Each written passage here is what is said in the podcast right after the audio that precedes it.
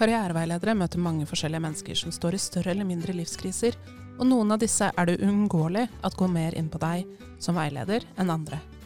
Kanskje veisøker og veileder har noen tilsvarende erfaringer som skaper gjenkjennelse. Men hva når veisøkers livskrise også gjelder deg? Hvordan kan du som veileder håndtere det når du deler veisøkers bekymringer, erfaringer og kriser?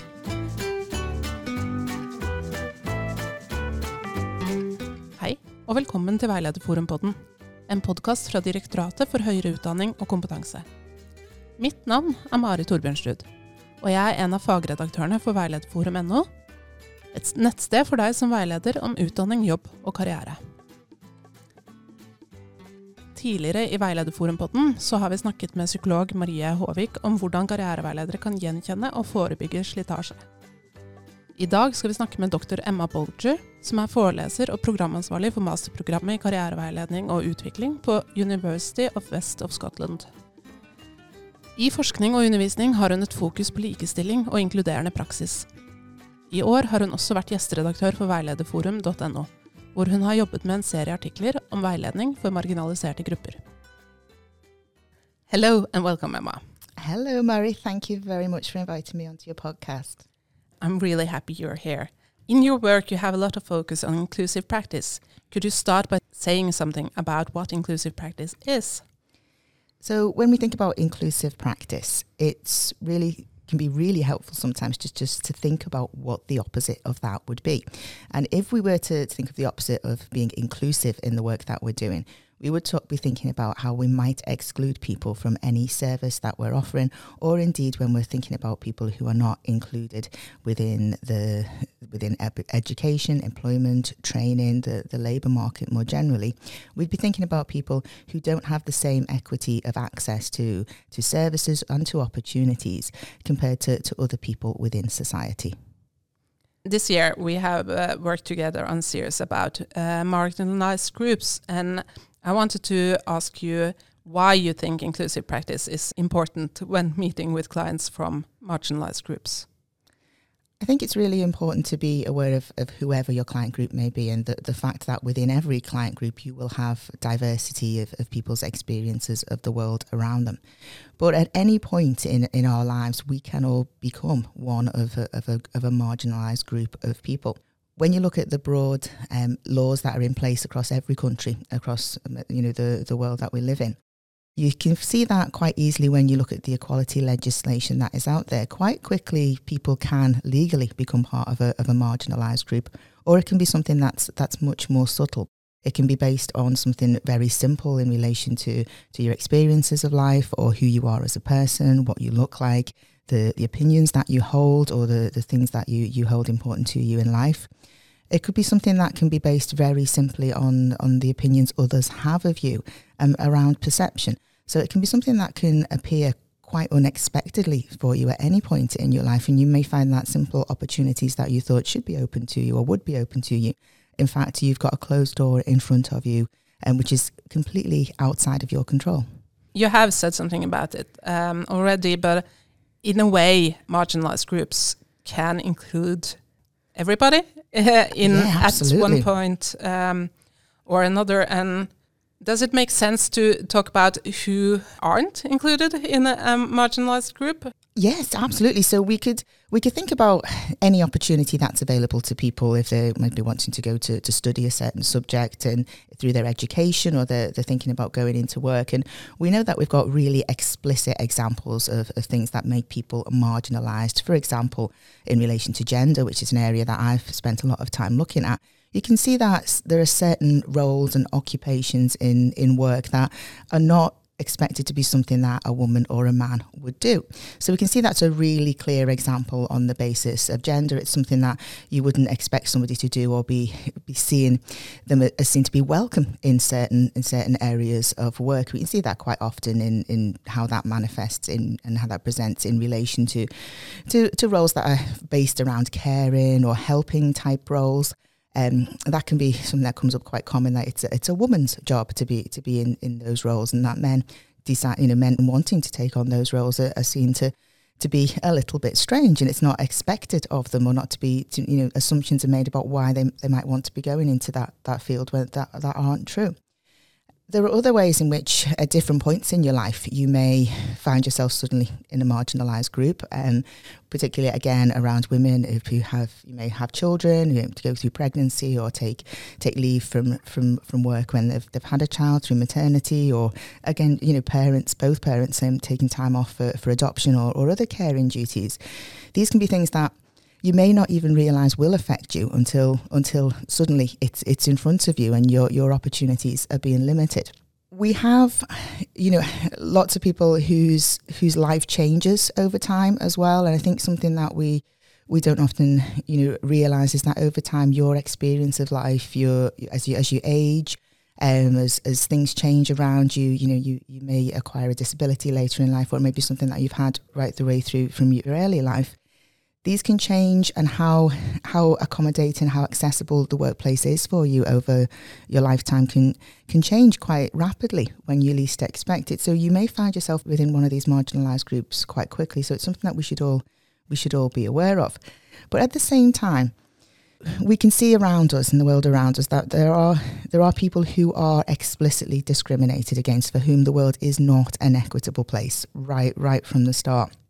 And within all of those groups we also need to think about the different impacts based on different characteristics that, that people may have. Um, we, we talk about the term intersectionality quite a lot in relation to equality work.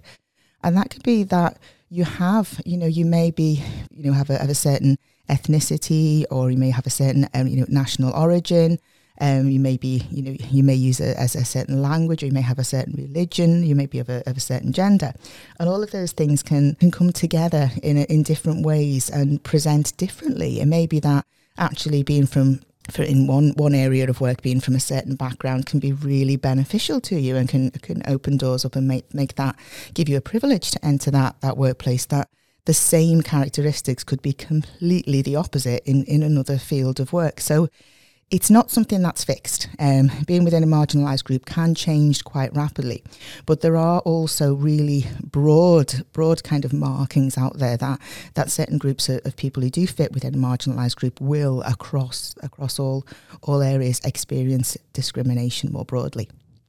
I think these are important topics to think about, and I, I think many people are aware of them, but it's um, it's good to get a reminder. Um, and I wanted to ask you, what are the main topics uh, to think about when you're working to, towards an inclusive practice? Something that's come up for, for me in, in the work and the research that I've done over the years is that particularly when you're working as a as a, a guidance counsellor one to one with somebody, it's really important to to surface and have these conversations with people even if they may not have actually realised they may face discrimination or inequality in the future, that could be short, medium, or long term in the future. But it's really, really, really important to have these conversations with the, the, the way seekers that you're that you're working with. One of the things, for example, that, that might be important to, to talk about is the fact that somebody may be going into a, a, a route for, for training, maybe that's at, at university or maybe going into something more vocational or it could be that somebody's going into the workplace and they will be underrepresented. They, it may be really unlikely that they'll meet people who look like themselves or, or act like themselves within the, the, the field of work that they're going into. And you are, as a as a guidance practitioner, their first kind of touch point, the first person to test out any concerns or worries about what that might be. And it wouldn't you wouldn't really be giving someone the, the best experience of guidance practice if you weren't there challenging them about what what might they face in, in the coming months, weeks or, or years. And thinking about that as soon as possible really helps people to be prepared for what for what might be ahead. We we talk a lot about building resilience and building capacity to do things. We talk about these words quite often in relation to guidance situations. But we don't always have kind of the, the practical examples to talk about. And it is really good to get get your, your clients thinking about, well, what will this feel like for me? How will I feel like when I am, for example, the the only woman working in a in a male dominated employer? Um, is everyone that I'm going to be working with um, not experiencing the world in the same way as me? Um, does you know is what what are the what are the challenges that I might face? And am I ready for that? Um, and what will I do if I do come home from, from my job at the end of the day and feel like you know, I've had one too many comments about my gender and, you know, just things that we often write off as we have in the UK this this term banter. It's like, you know, it's just a, a bit of a, a jokey, oh, you know, it's just a joke. You know, you can take a joke. Well, do you know, after sort of constant uh, all day, every day banter, it wears you down. It really stops you from wanting to, you know, kind of having the, the resilience to continue. And it happens, you know, I say a lot of my, my examples come from from the work that I've done around gender, but I'm thinking of examples as well here from, you know, from from men that I've known that have been working in in female dominated sectors, female where there's a, a you know there's a, there are more women than men working in sectors. And I, I remember speaking to to a man I was doing research with, and he said to me, "Do you know, I'm and this was a, you know he was a grown adult. He was you know working, coming to work all day, every day, you know." And they they referred. She said, "I'm fine with it. I'm fine with the fact that everyone's that, that I'm working with women. That doesn't bother me. Except they keep referring to me as the boy. Um, they don't refer to me as anything other than the boy. They don't use my name. Um, you know, they they don't really think about me as he said. I go to work and I'm not a man anymore. I'm a boy, and the language there again is that you know that would if that was men referring to you, you know in, in a male dominated role where you were talking to about a, a woman and referring to her as a girl straight off, you would you would bring be bringing in so many other connotations around. Um, you know, you you're bringing in thoughts about sexuality, about you know, just just awkwardness would be there straight away. But it almost seemed to be acceptable if it's if it's the other way around, like we're redressing you know historical wrongs. So that was something that I remember standing out for me. And we often need to look at, when I'm working in equality practice, quite often thinking about the opposite of what's happening is a real, or, or kind of taking it to its extreme can be the uh, the simplest way to kind of break it down and help you realize, no, this is wrong. This is this isn't what what shouldn't be happening. Um, and that's that's been something that's that's been really important to me. Thinking about, you know, what what is this person in front of me? What could their experience of be like in the future? And it is sometimes you do have to think about the worst case scenario.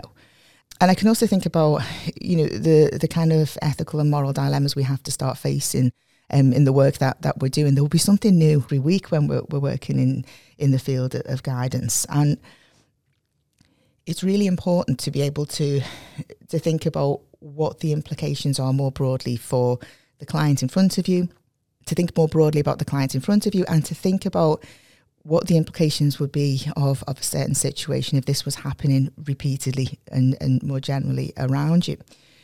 So there's there there will always be something new to think about when you when you're working in inclusive practice. I think is is one other thing to to kind of mention here is that you know, no matter what you think you've seen and, and how, how much training you've done or how much experience you've had, there will always be a situation and some kind of challenge that, that presents to you in your work that will be about inclusivity at its core, more more more likely than not. Um, so many of the moral and ethical dilemmas that we face in the work that we do do present from this position of, of you having a client in front of you and you thinking this whatever's happening here is is excluding them from whatever opportunity they, they should really be able to access.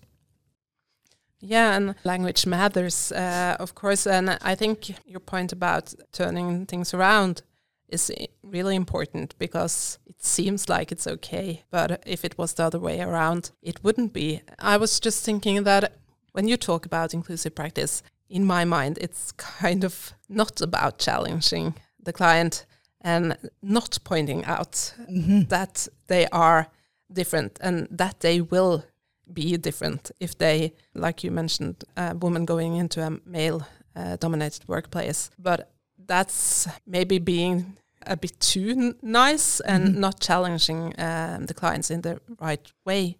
Mm-hmm. Uh, and I think that's uh, important to. It really is, and we're, you know, your your guidance situation should be a really safe situation for you. You know, the best guidance situations are ones where your client feels really able to open up about any of the concerns and thoughts and feelings and worries about what what their working lives might be like in the future, and you should be that that first opportunity for them to to test out ideas. And so often, you know, when we get to a, a really good guidance situation you've got a client who's maybe never vocalized, they've never spoken about the things that really do worry and concern them. And that's why good quality guidance really matters. Um, it's giving people the opportunity to to talk about and to think about these concerns before they've even brought them to the surface themselves. We often have clients who you know, it can be, you can focus on the positive too much. Um, a guidance interview shouldn't be, you know, when you're, when you're working with someone in a guidance situation, it shouldn't be kind of all smiles and laughter and positivity all the way through. Sometimes you do need that, that time to, to support reflective skills and reflection can be on on things that people have done in the past but it can also be about looking to the future as well and thinking about what is to come and how will i how will I respond to that? How will, will I react to that? We often talk about things like, you know, goal setting and what's your short term, medium term, long term goals. Where do you want to be in, in five or 10 years in the future? What are you planning around that? But we're all super positive about that. It's never, well, what if what if that job changes or what if this comes and, and it's throwing in the what ifs that can happen as you go through your life um, and you know, we often, you know, we know in um, particularly around a sort of women and taking pregnancy and, and maternity leave from work. Um, you know, we know within a, an interview situation, you're not allowed to ask a woman, you know, how, what, you know, what, are you thinking about having children? You know, you wouldn't, you wouldn't ask that within within an interview or, or uh, going through that process. But we have that scope to have those conversations and say, yeah. well, are you thinking about that? And have you looked at those terms with an employer in the future? Is that a concern that's on your mind? And it will be. You know, we, we forget quite easily about these practical concerns people have about what's my workplace going to look like. Um, someone who has a, a, disability is like, you're not going to mention that in an interview. You know, they're not going to say, you know, what kind of adjustments will you need in place because it overshadows the conversation you have. It diverts from your, your skills and your, your, your, your, your thoughts and feelings about that job. But as careers uh, uh, counsellors and careers advisors, we have that opportunity to say, well, you know, you've disclosed on on your form before you've come in, you've said here that you, you, you know, you, you may have a, a disability or, or some other concern, um, you might have caring responsibilities. What have you looked at? What this work in this field or what this particular job? Have you looked at what you know? What will be available to you as adjustments? Um, those sorts of things are really, really important. How are you going to manage your working day? You know, are you someone who, if you're if you're working, can you manage a whole, you know, this the seven and a half hours that are expected of you in this job? Um, when will you need to take breaks? What are the facilities there around that?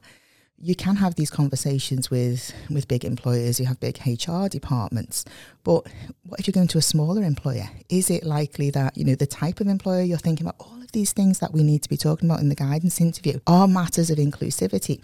And it's about getting people to to really visualize what's there in the future what might be coming what might be the challenges here for you. And these are these are really important conversations. And you know it may be that you've got a client who is with you and you know the the they're speaking with you like, you know, I'm great, I'm young, um, I can move wherever I want to go, I can take my work wherever, you know, but they are few and, and far between. And, you know, at that point is as well, well, is that going to be that the case for you for a long term? You know, when we talk about long term planning, we kind of think about, you know, what might I have? I might have a nice house and a nice car in 10 years' time and be enjoying my work and moving up in the company. And these are all kind of traditional thoughts about career progression that if we think about career much more holistically, career is about everything.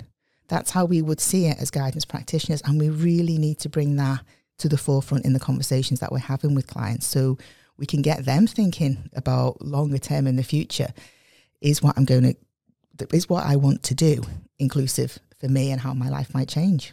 Mm.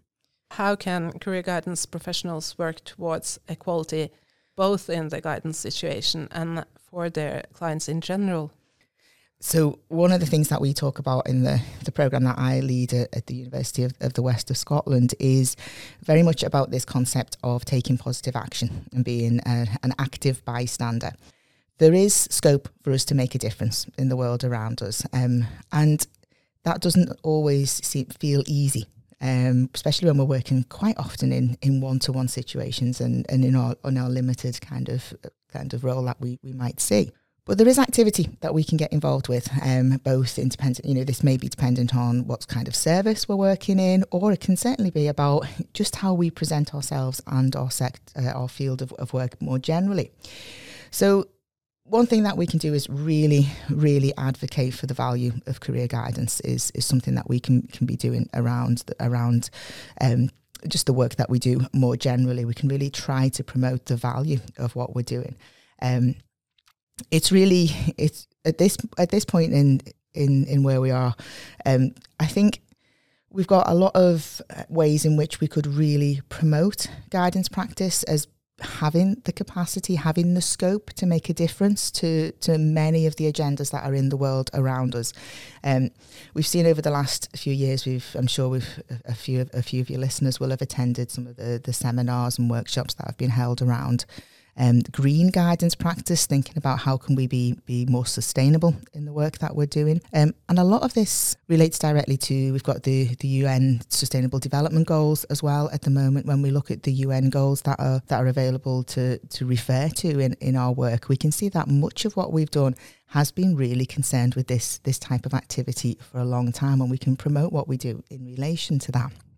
But there can be small ways in which you can think about just undertaking what, what I would describe as a positive action project. We can think about the organisations that we are maybe referring our clients to regularly or the types of opportunities that, that they are going on to do and work directly with organisations and talk about how they themselves could could be more proactive and positive in the, in the way that they perhaps recruit or promote what they offer. So you may have organisations that have they may just you know know that their workforce, for example, is simply not diverse and how could they improve that? And we can be a sounding board, we can offer advice on, on how to improve that. Things like having good knowledge about promotion of, of language and terms and ensuring that vacancy advertisements or advertisements for training courses, for example, simply have the language that, that includes people within it. So making it clear if people are underrepresented in in that type of work, what kind of like you know what should you what should you be saying in your vacancy advert? Well, if it's something like you know women are underrepresented, say that. Don't don't shy away from it. Encourage people to vocalize where the where the problems are. Be be clear about that as a career professional, as a career practitioner, you also have some scope to, to offer some specialism in, in terms of your knowledge and experience. You can be the person within within your team or within your service that has a particular interest in, in the experiences of, for example, a certain marginalised group you could spend some time really getting to know the challenges that might affect a group of, of individuals. For example, much of that is around, you know, educating yourself, spending some time doing some research, some reading, linking up with, with equality organisations that represent individuals in that group, and then coming back to your team and maybe doing a presentation, a workshop, finding out, you know, what what what is it that people want to know about this group and how can how can you share that? We have in the UK, we do have uh, major charities and, and other organisations that the, these organisations do employ directly career professionals to work with the individuals that they have within the group that they're representing. So it may be that there is scope out there to, to carve a role for yourself, to create a role for yourself within equality organisations and to put career guidance onto their agenda in the same way that we would like equality agendas to be integrated in, in the work that we do. We have talked a bit uh, about the general practice of career guidance, but sometimes you meet people that you instantly like or dislike in your work and or maybe they have experiences that affect you more than other people's experiences. And these kinds of situations can affect how career guidance professionals interact with their clients and and the quality of service they are able to provide. What are important to think about when you are in these uh, situations? I think when we're talking about equality, sometimes you do start to think about this.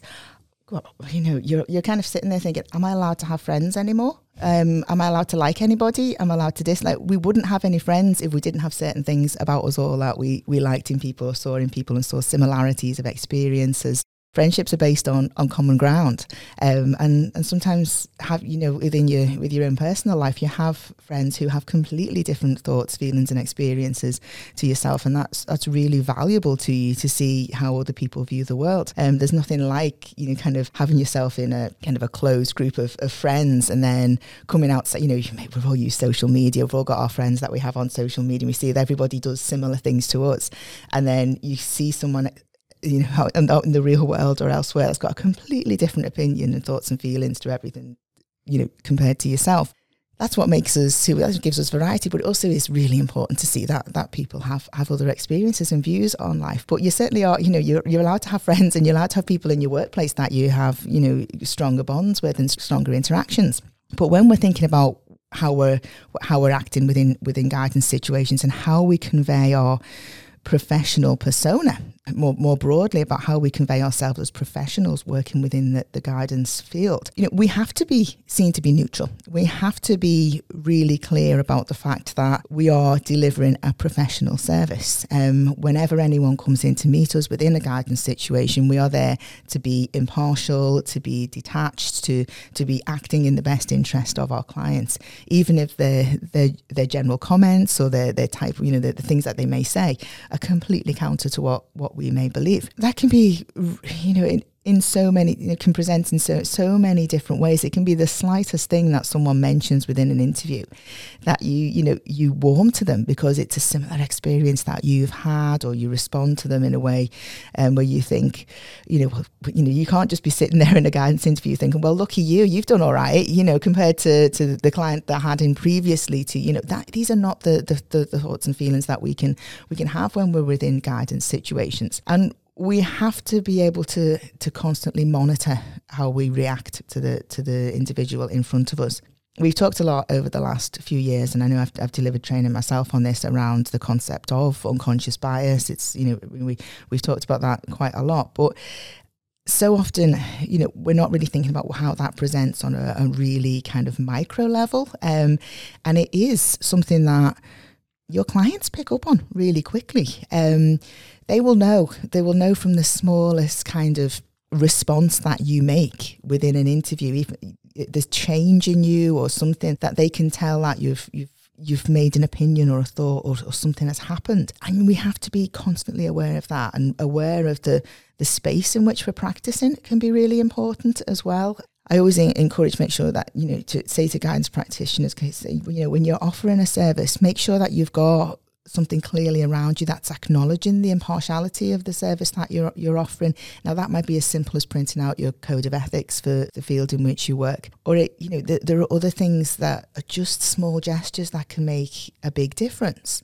Now you also never know though. You know you could have you could be thinking right, I'm doing my best here. I'm coming in and I've got you know I've got my lanyard on today. I'm wearing my rainbow lanyard. I'm you know clearly an, an ally. I'm coming in.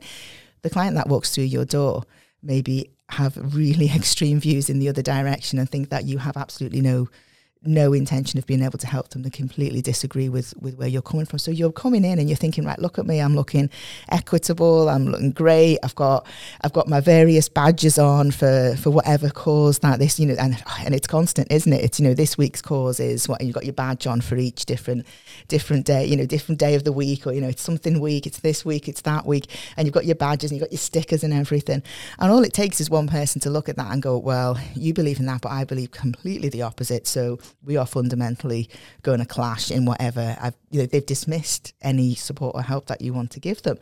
And that, you know, that may well be a thought or feeling or opinion that is completely in contradiction to, to where we're coming from as people. So we have to be really mindful of this neutrality at all points. And yes, you know, this is not to to say, you know, you can't you can't come out your office and stick your stick your lanyard and your badges back on and be this, you know, that that person with your colleague. But it is that point at which professionalism and neutrality really has to come in. We've also got things that can be there in your history that will come up within a guidance interview that you you have you can you never know within any guidance situation you have no idea what that individual in front of you could be about to disclose and the very, very best guidance interviews are like that. You know, it should be completely, the unexpected should occur from time to time. It should be, like, as we've said already, that moment of, right, I've got a safe environment here in which to, to, to reveal this is, these are my thoughts, these are my feelings. But there will sometimes be things that happen that you simply can't get past. For example, I've worked with, with women who've experienced domestic abuse in their lives, domestic abuse and, and domestic violence. This is something that perhaps if a client came in to you and revealed that they also had experienced domestic abuse in their life, or um, if they indeed had been the perpetrator of domestic abuse or domestic violence, how would you be able to respond in that situation? There are certain things that are that are really, really quite extreme, and this is something I've talked about with practitioners who've said, "Yes, I have. You know, I've had that moment, and I froze. I didn't know what to do because it set off." You know, so many emotions, and this could be, you know, that this could be in parallel to many, many other experiences people have had in their lives. But domestic abuse is one that I've I've particularly worked on, and one I'm particularly keen to to kind of explore not least because it's something that generally affects women more than men, um, and not not exclusively, but it's something that primarily does affect women. And we, as guidance practitioners, are, are, are a female-dominated sector ourselves, so it's something that, that comes up for us quite often. These, are you know, how do you get past that situation? Well, you know, there may be no getting past it. It may be a, a, a case of having to step out and say, speak to a colleague and say, look, I I just need to, to leave the room for a minute. Can I just, you know, make my excuses and, and leave? And it may be a case of, you know, another colleague's going to have to deal with this because I know I can't be impartial in this situation. There will be things where you know you can't be impartial, and it could indeed have an impact on your your mental health. And this could be again very simple things that you know you you just have to have a moment and think, actually, I can't service this this person in the way that I want to because I'm going to be thinking about something else. This is really important. I mean, just in terms of practitioner well-being and the extent to which you carry other people's traumas and concerns more generally. It is really important to think about your well-being in every one-to-one guidance situation that you have. And that can be as simple as, you know, you get up in the morning, you're just not feeling great, right? And you're if in a really good guidance situation, you are giving everything to that client. They are your 100% focus. But you know, even if you're sitting there, you've got a bit of a stomach ache or you've got a headache or something, you're not at your best. You're going to miss things. And this is such an important moment for many people. Um, we kind of downplay the importance of, of career guidance and we talk about, you know, the fact that, you know, someone comes in, they've got got an idea of what they need to talk about. It might be it might be as simple as I just want to sort out my CV. I've got a job I want to apply for. Bang, bang, bang. Here's the help I need. That can be a really straightforward, simple interview. But at any point, you just sitting down and talking to someone about their CV could reveal absolutely anything about their lives and their experience. And at that point, you need to be 100% with them. You need to be right, how can I help? What can I offer? What's the support needed here? And you have to be absolutely, the phrase that we'd have in the UK, on top of your game. That's how you should be in every career interview. Every guidance situation you're in, you should be there expecting the unexpected and being ready to to jump into action. And you you can't it's not a role where you can you can get up in the morning and think, you know what, I'm feeling a bit rough today. I don't, you know, just, but I'll just battle on. I'll just barrel through. I'll just keep going I'll just keep going. I do, you know, back to back to back into, you know, guidance guidance interviews with, with, with somebody all day. I go go and see people. Do you know what? By client number four or five, you're really feeling you've had all your coffee, right? You've had a day. You're like, right, I've had six coffees. I've managed through the first through first few. Like you just sometimes have to step back and say to a colleague, I'm not hundred percent today. That's really important, and we really do need to think about our well-being in every aspect of what we do to to give that client 100% and to be 100% ready when something comes up. Your own well-being is really important to think about, and um, we have addressed that uh, before in the podcast mm -hmm. as well. In the recent years, there has been some crisis that has uh, affected everybody. Mm -hmm everybody in Norway, but also worldwide. And we have talked a bit about this before the fact that when you are worried about the pandemic or the war in Ukraine or the prices going up all over, how can you, as a career counselor, deal with it when you share the fear or anxiety of those who come seeking career guidance? Absolutely. And these are these are really, really important conversations to, to be having. Um, we are, and it's it's. I, I think one of these things is you can't expect someone to come into your office and you not have a an an, an experience of the world that's that has some some parallels to theirs, um, but we absolutely can't you know we can't have guidance situations where we're, we're pretending these things don't happen. Um, we have to acknowledge them. We have to be quite clear that you know we're, we're all in, in the same world together. Um, there are absolutely worldwide crises that concern all of us. Um, I say you've given some really clear examples of things we've had over the, the last few years. Um, I don't think any of us expected to be to be going through such the the massive transition that followed the the, the global pandemic. Um, we've you know we've we've also got things that we've we've known about for a long time that are thankfully now starting to get greater attention things like the climate emergency these things that are on the agendas of, of people you know they're, they're mindful of, of these things and particularly when you're working with younger clients who have really you know in many cases will have better understanding of these concepts and you know than, than many many of us will have as, as older adults um, we have as well this you know, the, we're, the, we're referring to it in the UK as a cost of living crisis. Um, the language you use around these things often seems to try to downplay how serious it is and the, the seriousness of the impact. Um, but we do also have to remember that for, for many of us working as as guidance counsellors, uh, for most of us, we're working in pretty secure jobs. We're pretty privileged at this point. We are sitting down with clients who may be in real extremes of poverty, facing real challenges in their day to day lives that are some distance removed from where we are. Um, and we have to make sure that we are not condescending in the advice and the support that we're offering to people. Um, and you know we have these people saying you know oh but you know we're all we're all just one pay slip away from being in the same position. Well actually we're not. We're really not. We are you know and i'm sitting here talking to someone who's you know i've got a good job. I've got, i work at a university. I've got stability. I can pay my bills. Now you know i'm not i'm not going to be going on holidays and having you know as, as many as many luxuries in life. But you know we have a phrase in the uk that is um, you cut your coat according to your cloth and for many of us, there is, you know, we, we, we know that we can we can restrain ourselves, we can limit what we're spending, we can go to a cheaper supermarket, right? These are things we can we can make a difference in. At this point, you know, that's those opportun those those those ways of making small adjustments to your life are disappearing really quickly for people.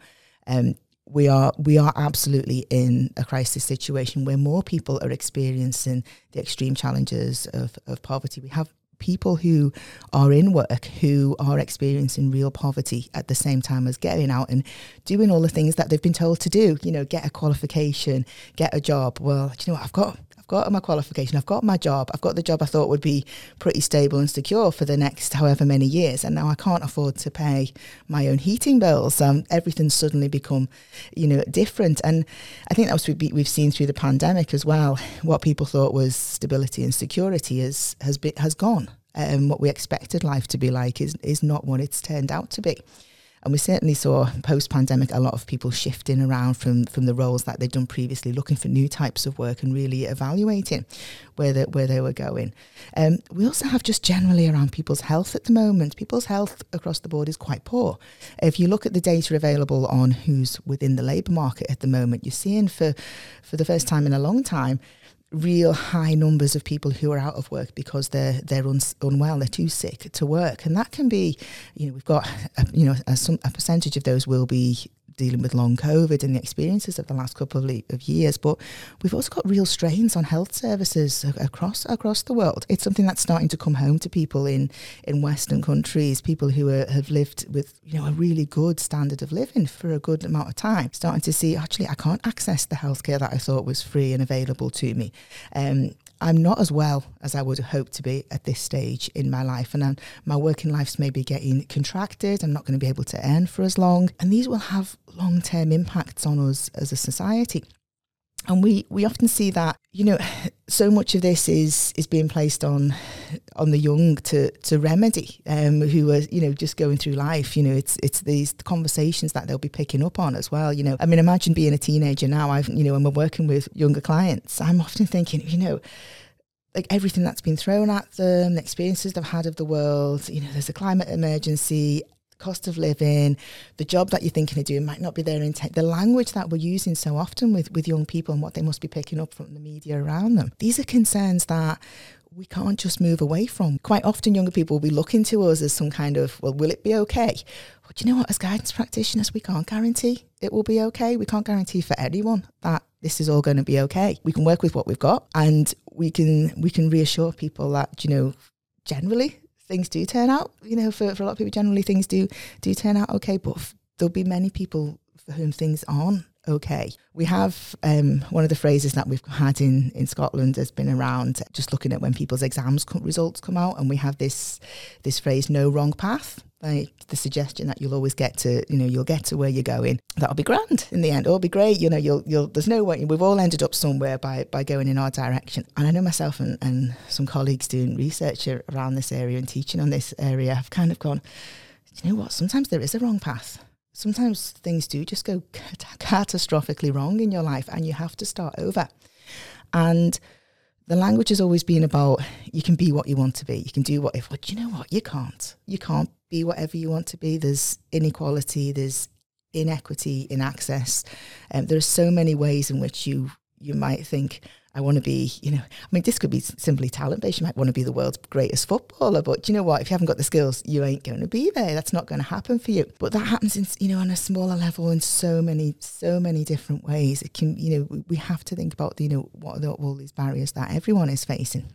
But I think it's really important that we don't kind of not, you know, there may be times when you're in a, a, guidance situation and it is useful to acknowledge your own experience of something, but making sure that you're not bringing lots of privilege into that at the same time. You know, you can you can gently acknowledge that you know, okay, yes, you know, work's changed for for a lot of people, hasn't it? And you know, I, I, know that I feel different. You know, you can say I feel differently about the job I'm doing compared to to previously, and I really missed seeing people face to face in real. You know, we can talk about kind of asides, but try not to be too kind of focused on you know well you know just kind of kind of downplaying people's experiences is really important as well like not do it not you know not giving it all you know we'll be all right in the end you know I've, you know i am just to i'm just going to not get a new car this year. It's not going to go down well with someone who's you know even just being able to afford a driving lesson is some distance in the future. You know little anecdotes from your own life can be really um, distancing for people. That they can see you as not somebody who's who's there to, to help people like them. So we're always having to be again aware of these kind of micro experiences that we might be throwing in and we think, oh that's a great example, but then actually no, that's not a great example. that's a terrible example for the person who's who's in front of you. And we do, you know, there are there are certainly common anxieties that we we share at, at that are, are there at, at a broader level. We must always acknowledge them. We can't just pretend that these things aren't happening globally around us. Yes, it's just really important to to be clear that you know, yes, we're all living in this same world, but we're all experiencing it in a different way. Finding the right balance. Mm-hmm. Thank you, Emma, for raising some important points and for giving us uh, useful examples of uh, what is important to think about when meeting with different clients. Uh, I've really appreciated having you here uh, with us today. Thank you. It's been lovely to, and it's been a really, really enjoyable conversation to have. I'm glad. Jeg håper at alle dere som har hørt på Veilederforumpodden i dag, har blitt inspirert til å reflektere rundt inkluderende praksis og hvordan møte veisøkere med ulike bakgrunner og utfordringer.